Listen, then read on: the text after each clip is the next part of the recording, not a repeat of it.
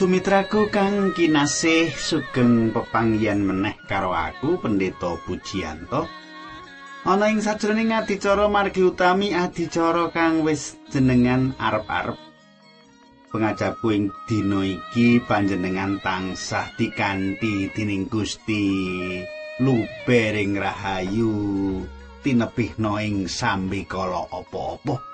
Panjenengan tansah dicukupi karo pangeran kang murping jagat. Kadangku tak suwun panjenengan wis nyawisake kitab suci panjenengan. Panjenengan bebarengan karo aku nyemak apa sing didhawuhake Gusti sugeng midhangetake ati cara iki.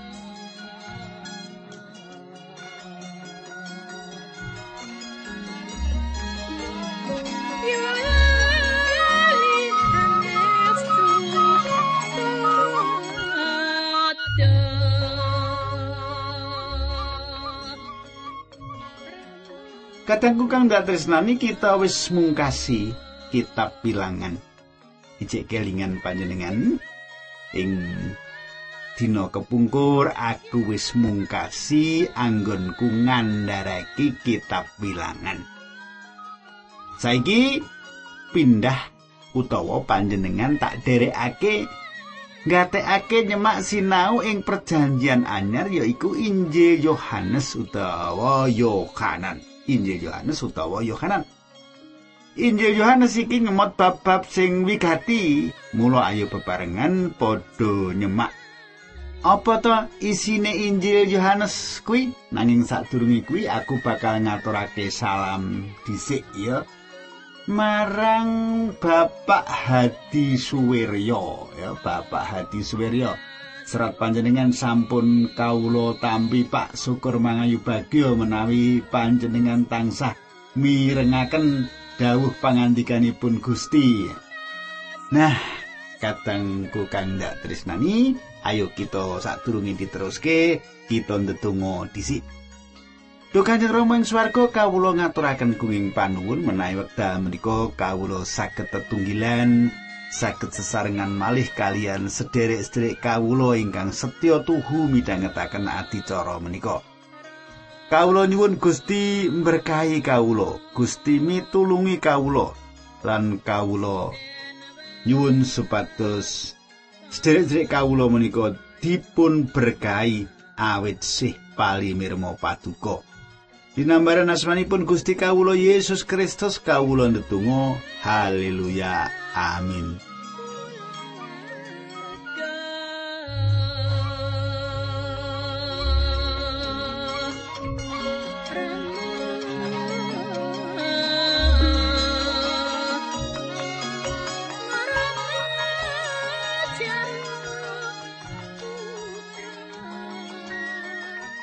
Para pamirsa,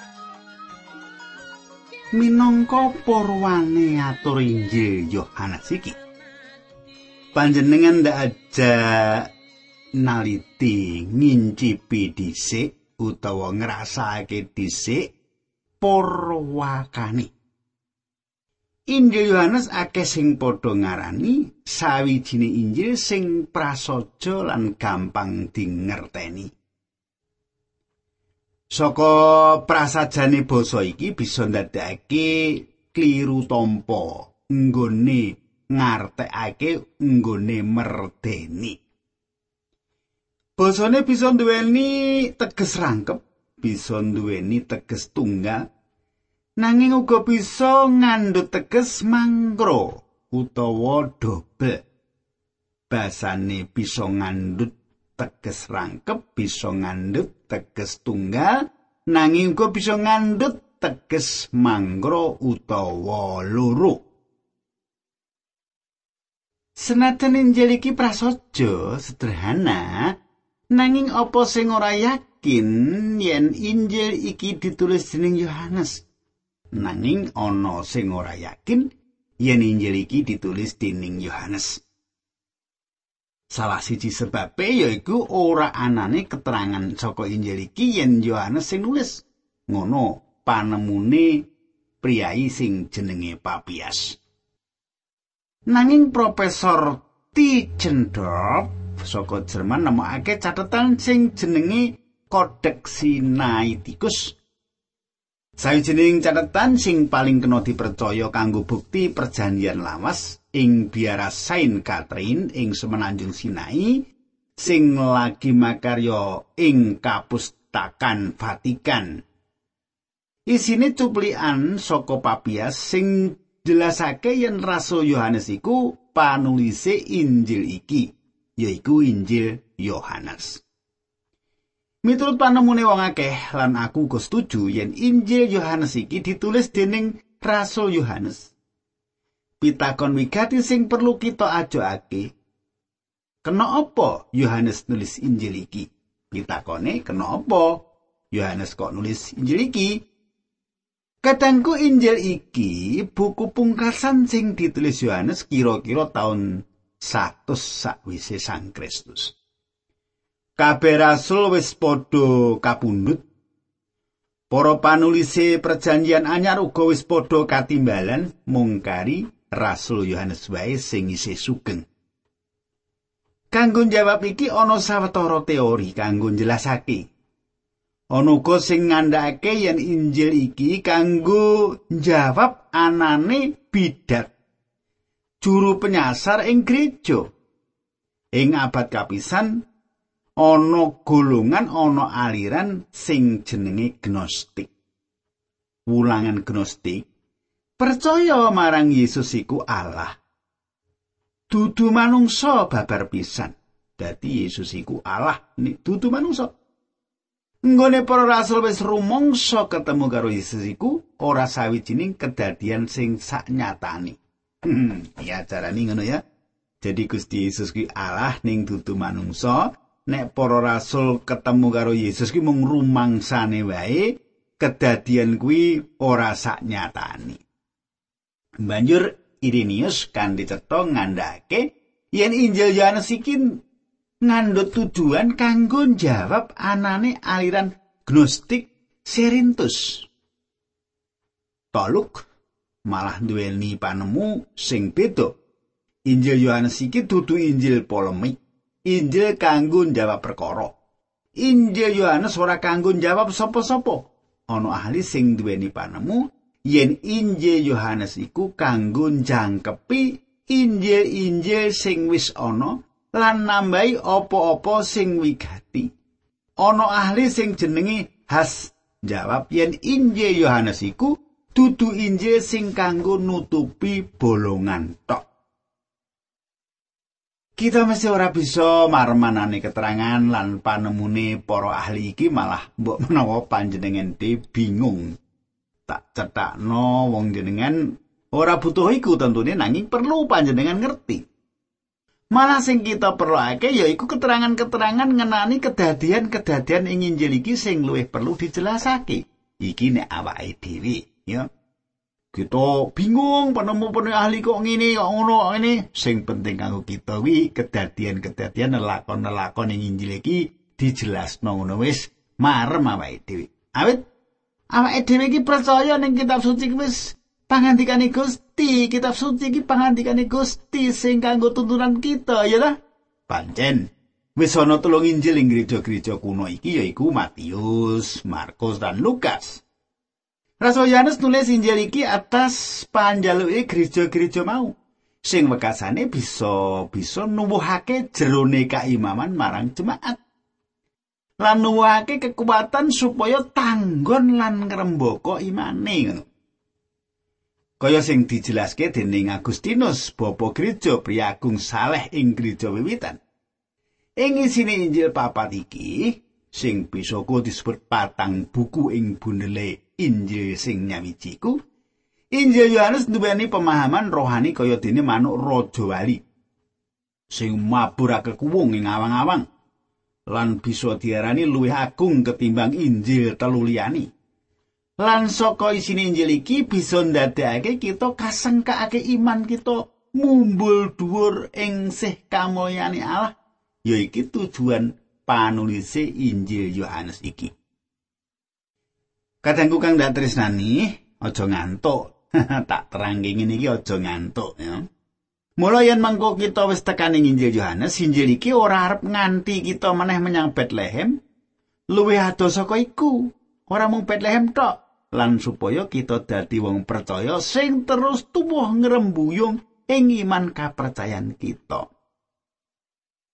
Dokter Lukas nalika nulis Injil iki nyritakake meratelake bab sapa lan pakaryane Gusti Yesus nganggo mikroskop. Senadan carane beda, Yohanes ngasilake pangerten sing padha karo apa sing ditulis dening Lukas. Cara sing ditindakake Yohanes dudu cara ilmiah. Sing ngantek ngasilake Injil iki. Wong Kristen sing wis dewasa, sing wis urip tetunggalan karo Kristus, ora perlu maneh keterangan bab Yose Sang Kristus sing kababar dening kenyo Maryam. Jalaran apa? Jalaran bab iku wis dipercaya luwih dhisik. Mula nalika mlebu ing panggilut Injil Yohanes sing ana mung sukorna lan kebagian ora kan dipeksan anggone nyinau Injil Yohanes iki. Mbok menawa raso Yohanes duweni panemu yen wong-wong sing ora percaya uga wis paham bab iki. Malah anggone kita wong percaya nganggep yen Injil Yohanes iku Injil sing prasaja. Apa pancen prasaja tenan? Injil Yohanes ombolan jero isine. Injil iki mirunggan kanggo wong-wong percaya Injil iki bisa mitulungi iman kita dadi ngrembaka, dadi berkembang, dadi ngoyot. Injil Yohanes sanyatane dudu Injil sing prasaja. Injil kanggo wong percaya, Injil sing jero pangertene. Yen mengko wis tekan pasal 13 tekan pasal 17, panjenengan bisa maringi tondo-tondo ing pasal iku mung kanggo wong percaya lan bisa uga nambahi sing ora percaya ora diidini kanggo melu gegilut. Pancen isine pasal-pasal mau kanggo wong sing percaya ora kanggo sing durung percaya. Gusti Yesus nganti murid-murid ing perangan dhuwur omah iku kanggo njelasake perkara-perkara sing bisa mitulungi para murid kanggo mundak-mundak imani. Ing Injil Yohanes nerangake, Yesus sing wis wungu saka sedo ketimbang ing Injil liyane. Ing Injil Yohanes nerangake Yesus sing wis wungu saka sedo beda ketimbang ing Injil liyane. Paulus tulis gini, senajan kita wis padha tepang karo Gusti Yesus sing jalma dadi menungso. Sebanjure kita ora bakal kenal meneh kanthi cara iku mau. Kita tembang Gusti Yesus sing wis wungu saka sedo. Mula Yohanes terus beberake lelakon wungune saka sedo bola-bali supaya bisa jelas temenan. Nggone jelasake Yesus sing wis wungu mau nganti ambal kaping pitu. Sing sepisanan iki sing paling sing paling luar biasa ngidapi-dapi yaiku nalika ngetingal marang Maria Magdalena ing taman. Kapindo ngetingal marang para murid ing sajroning kamar sing katutup lan Thomas ora ana ing kono. Ngetingal sing kaping telu marang para murid lan Thomas ana ing kono. Ngetingali Gusti Yesus iki ditulis ing Yohanan pasal 20 nuli Gusti Yesus ngetingal ing pinggiring tlaga Galilea. Sawetara murid-murid lagi padha golek iwak. Lan panjenengane bengoki saka pesisir tlaga. Apa wis padha etuk iwak? Yohanes likur ayat 5. Ing sawijining wektu Gusti Yesus uga bakal ndangu panjenengan lan aku apa wektu-wektu iki apa kowe bisa etuk iwak? Panjenengan ditakoni. Apa kowe wis etuk iwak? Nah, sebanjure Gusti Yesus nyiapake sarapan kanggo para murid panjenengane ndangu marang Petrus Simon, "Apa kowe tresno marang aku?" Panjenengan bisa waca Yohanes likur ayat 15 nganti 17. Gusti Yesus ora dawuh supaya kita lulus saka seminari supaya bisa ngladosi pakaryani. Ora, panjenengan ndangu meneh apa kowe tresno marang aku? Iku syarate. Yen panjenengan tresno marang Gusti Yesus bakal dicawisi peladosan sing kagem panjenengani. Yen panjenengan tresno marang Gusti Yesus bakal disediani peladosan. Panjenengan dicawisi peladosan supaya bisa ngluhurake panjenengani. Sepisar maneh Gusti Yesus ngersake panjenengan tresno marang panjenengani. Alasane wong akeh padha ora gelem ngladosi. Jalaran ora padha tresno marang panjenengani. Kaping pitu Gusti Yesus nggone ngetingal lan kabeh ditulis ana Injil Yohanes lan kabeh ditujokake kanggo wong pracaya, wong Kristen. Nalika Gusti Yesus miyos ing Bethlehem, ana pengarep-arep gedhe kanggo donya sing durung tepang karo Allah. Pancen ana pangarep-areping jaman iku supaya panjenengane rawuh ing kahanan sing misterius sing kebak wadi padha teka ing Yerusalem. Priagung saka tanah wetan, para majus ni padha takon ing endi panjenengani raja Yahudi sing lagi miyos. Panjenengan bisa semak Matius loro ayat loro. Sing ngeramake iku, Injil Yohanes iki sing ditujokake marang wong percaya nanging sora mirunggan uga marang wong-wong saka tanah wetan iku. Sopo to wong-wong saka tanah wetan iku? Bangsa-bangsa sing ana Mesir, Babel, Persia lan Yutan sing ana India lan Tiongkok sing ora ketung akeh. Pangerten kita ngenani wilayah negara iki mung sethithik, malah banget sethithik. Ya saka wilayah-wilayah iki priagung majus padha teka lan nggawa pisungsung arupa mas menyan lan mur kagem panjenengane Sang Timure Sang Kristus. Akeh pitakonan sing perlu dijawab wong-wong iki teka saka tlatah sing kebak wawadi. Keagungan lan kasugian sing ngedap-edaping tanah wetan iki asring kita rungu lan uga akeh wong-wong sing manggon ing papan kono. Kedaton sing gumebyar watu aji sing akeh cacahe kabeh ora bisa dipetung regani. Ing satengahe kasugian sing tumpuk undung iku, ing sisi ana kemlaratan sing kebak kasangsaran. Peteng dedet nasibe para wong mlarat ing kono. Sepisan maneh mlarat temporat ngindong jagat. ana pitakonan, gini yo kita ora ngirim bahan pangan menyang wong-wong mau, ora ana keterangan bab iki. Sing mesti kedadian para wong mlarat iki padha nguwuh-nguwuh njaluk tulung. Para wong sugih padha ora bisa luwar saka masalah uripe sing diadepi. Wong-wong saka wetan iki nglonggari uripe kanggo nindakake kepinginane manungsa sakarepe dhewe. Nanging kabeh kamardikan iki ora bisa gawe tentrem atine. Wong-wong wetan iki padha duweni kapracayan agama sing duniawi. Nanging ya saka tlatah kono wong-wong majus iku padha teka lan takon. Ing ngendi panjenengane? Raja Yahudi sing lagi miyos.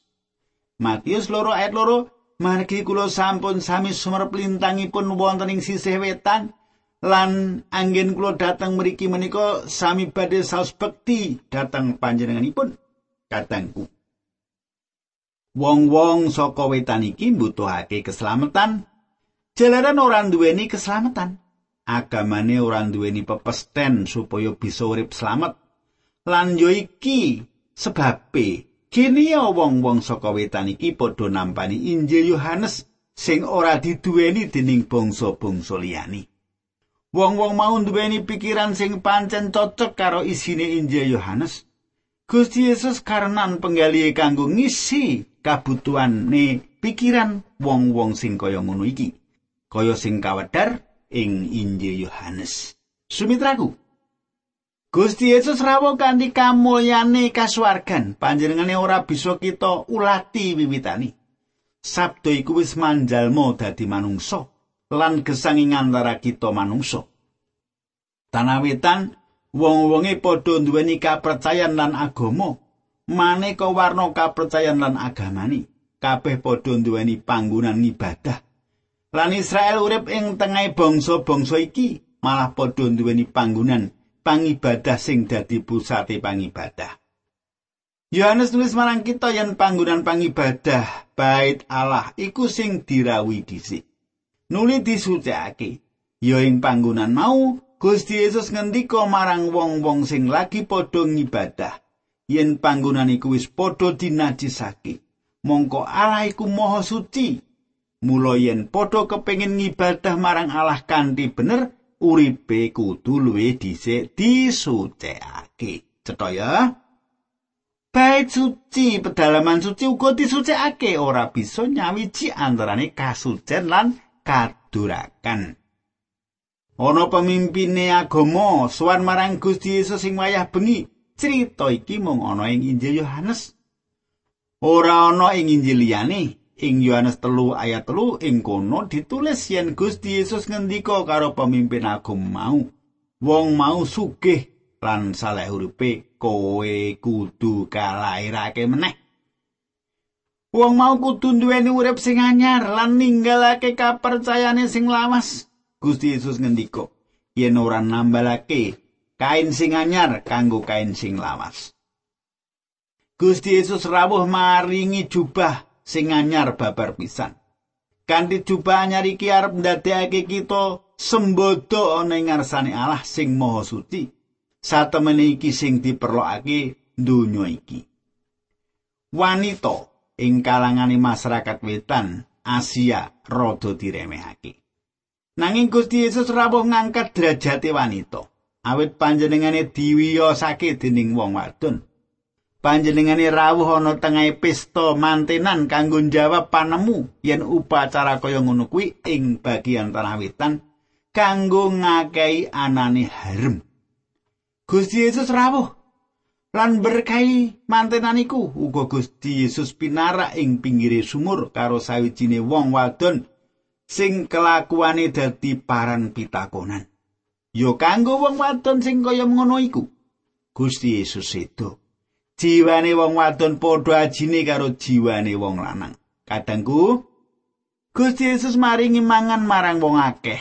Nuli diterusake paring piwulang bab roti gesang. nuli nguncati tindak nebih saka wong-wong mau jalaran kuatir yen didadekake Gusti wetenge wong-wong mau. Ing bagian tanah wetan andaran bab roti gesang iki bisa dipahami. Gusti Yesus ngendika bab iki ora ing sajroning Injil Yohanes. Aku iki pepadangi jagat, aku iki roti gesang, aku iki dalan jatine kayekten lan kauripan. Ayat iki sajak cocok karo kahanane bangsa ing wetanan sing padha kesasar malah nganti jaman iki. Yohanes 20 ayat 30 nganti 31. Isi akeh mujizat-mujizat sing ditindakake dening Gusti Yesus ana ngarepe para sekabat sing ora kasebut ing kitab suci iki. Oleh ditulis ana ing kitab suci iki supaya kowe padha percaya yen Gusti Yesus kuwi Sang Kristus putrane Allah lan supaya srana percayamu kuwi kowe padha urip mergo saka panguasane. Sing diperlokake kejaba apa sing ana ing donya iki yaiku panguripan, urip. Lan iku sing diperlokake tumrap wong sejagat kabeh iki. Donya iki ora mbutuhake ngelmu bab agama nanging mbutuhake urip. Mbutuhake panguripan.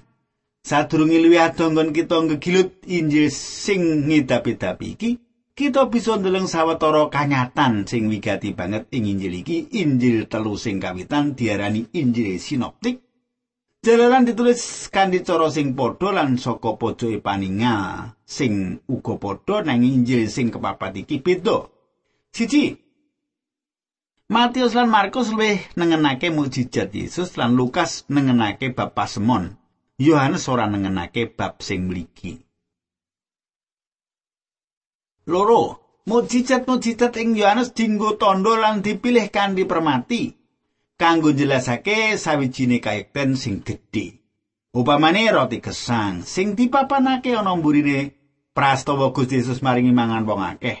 Ana 11 tondo mirunggan sing kaya ngono kuwi ing Injil Yohanes. Telu. Ora ana pasemon ing sajrone Injil Yohanes. Tembung pasemon pancen ana katulis ing Injil Yohanes 10 ayat 6. Nanging ing basa Yunani tembung iki ora dinggo tembung pasemon.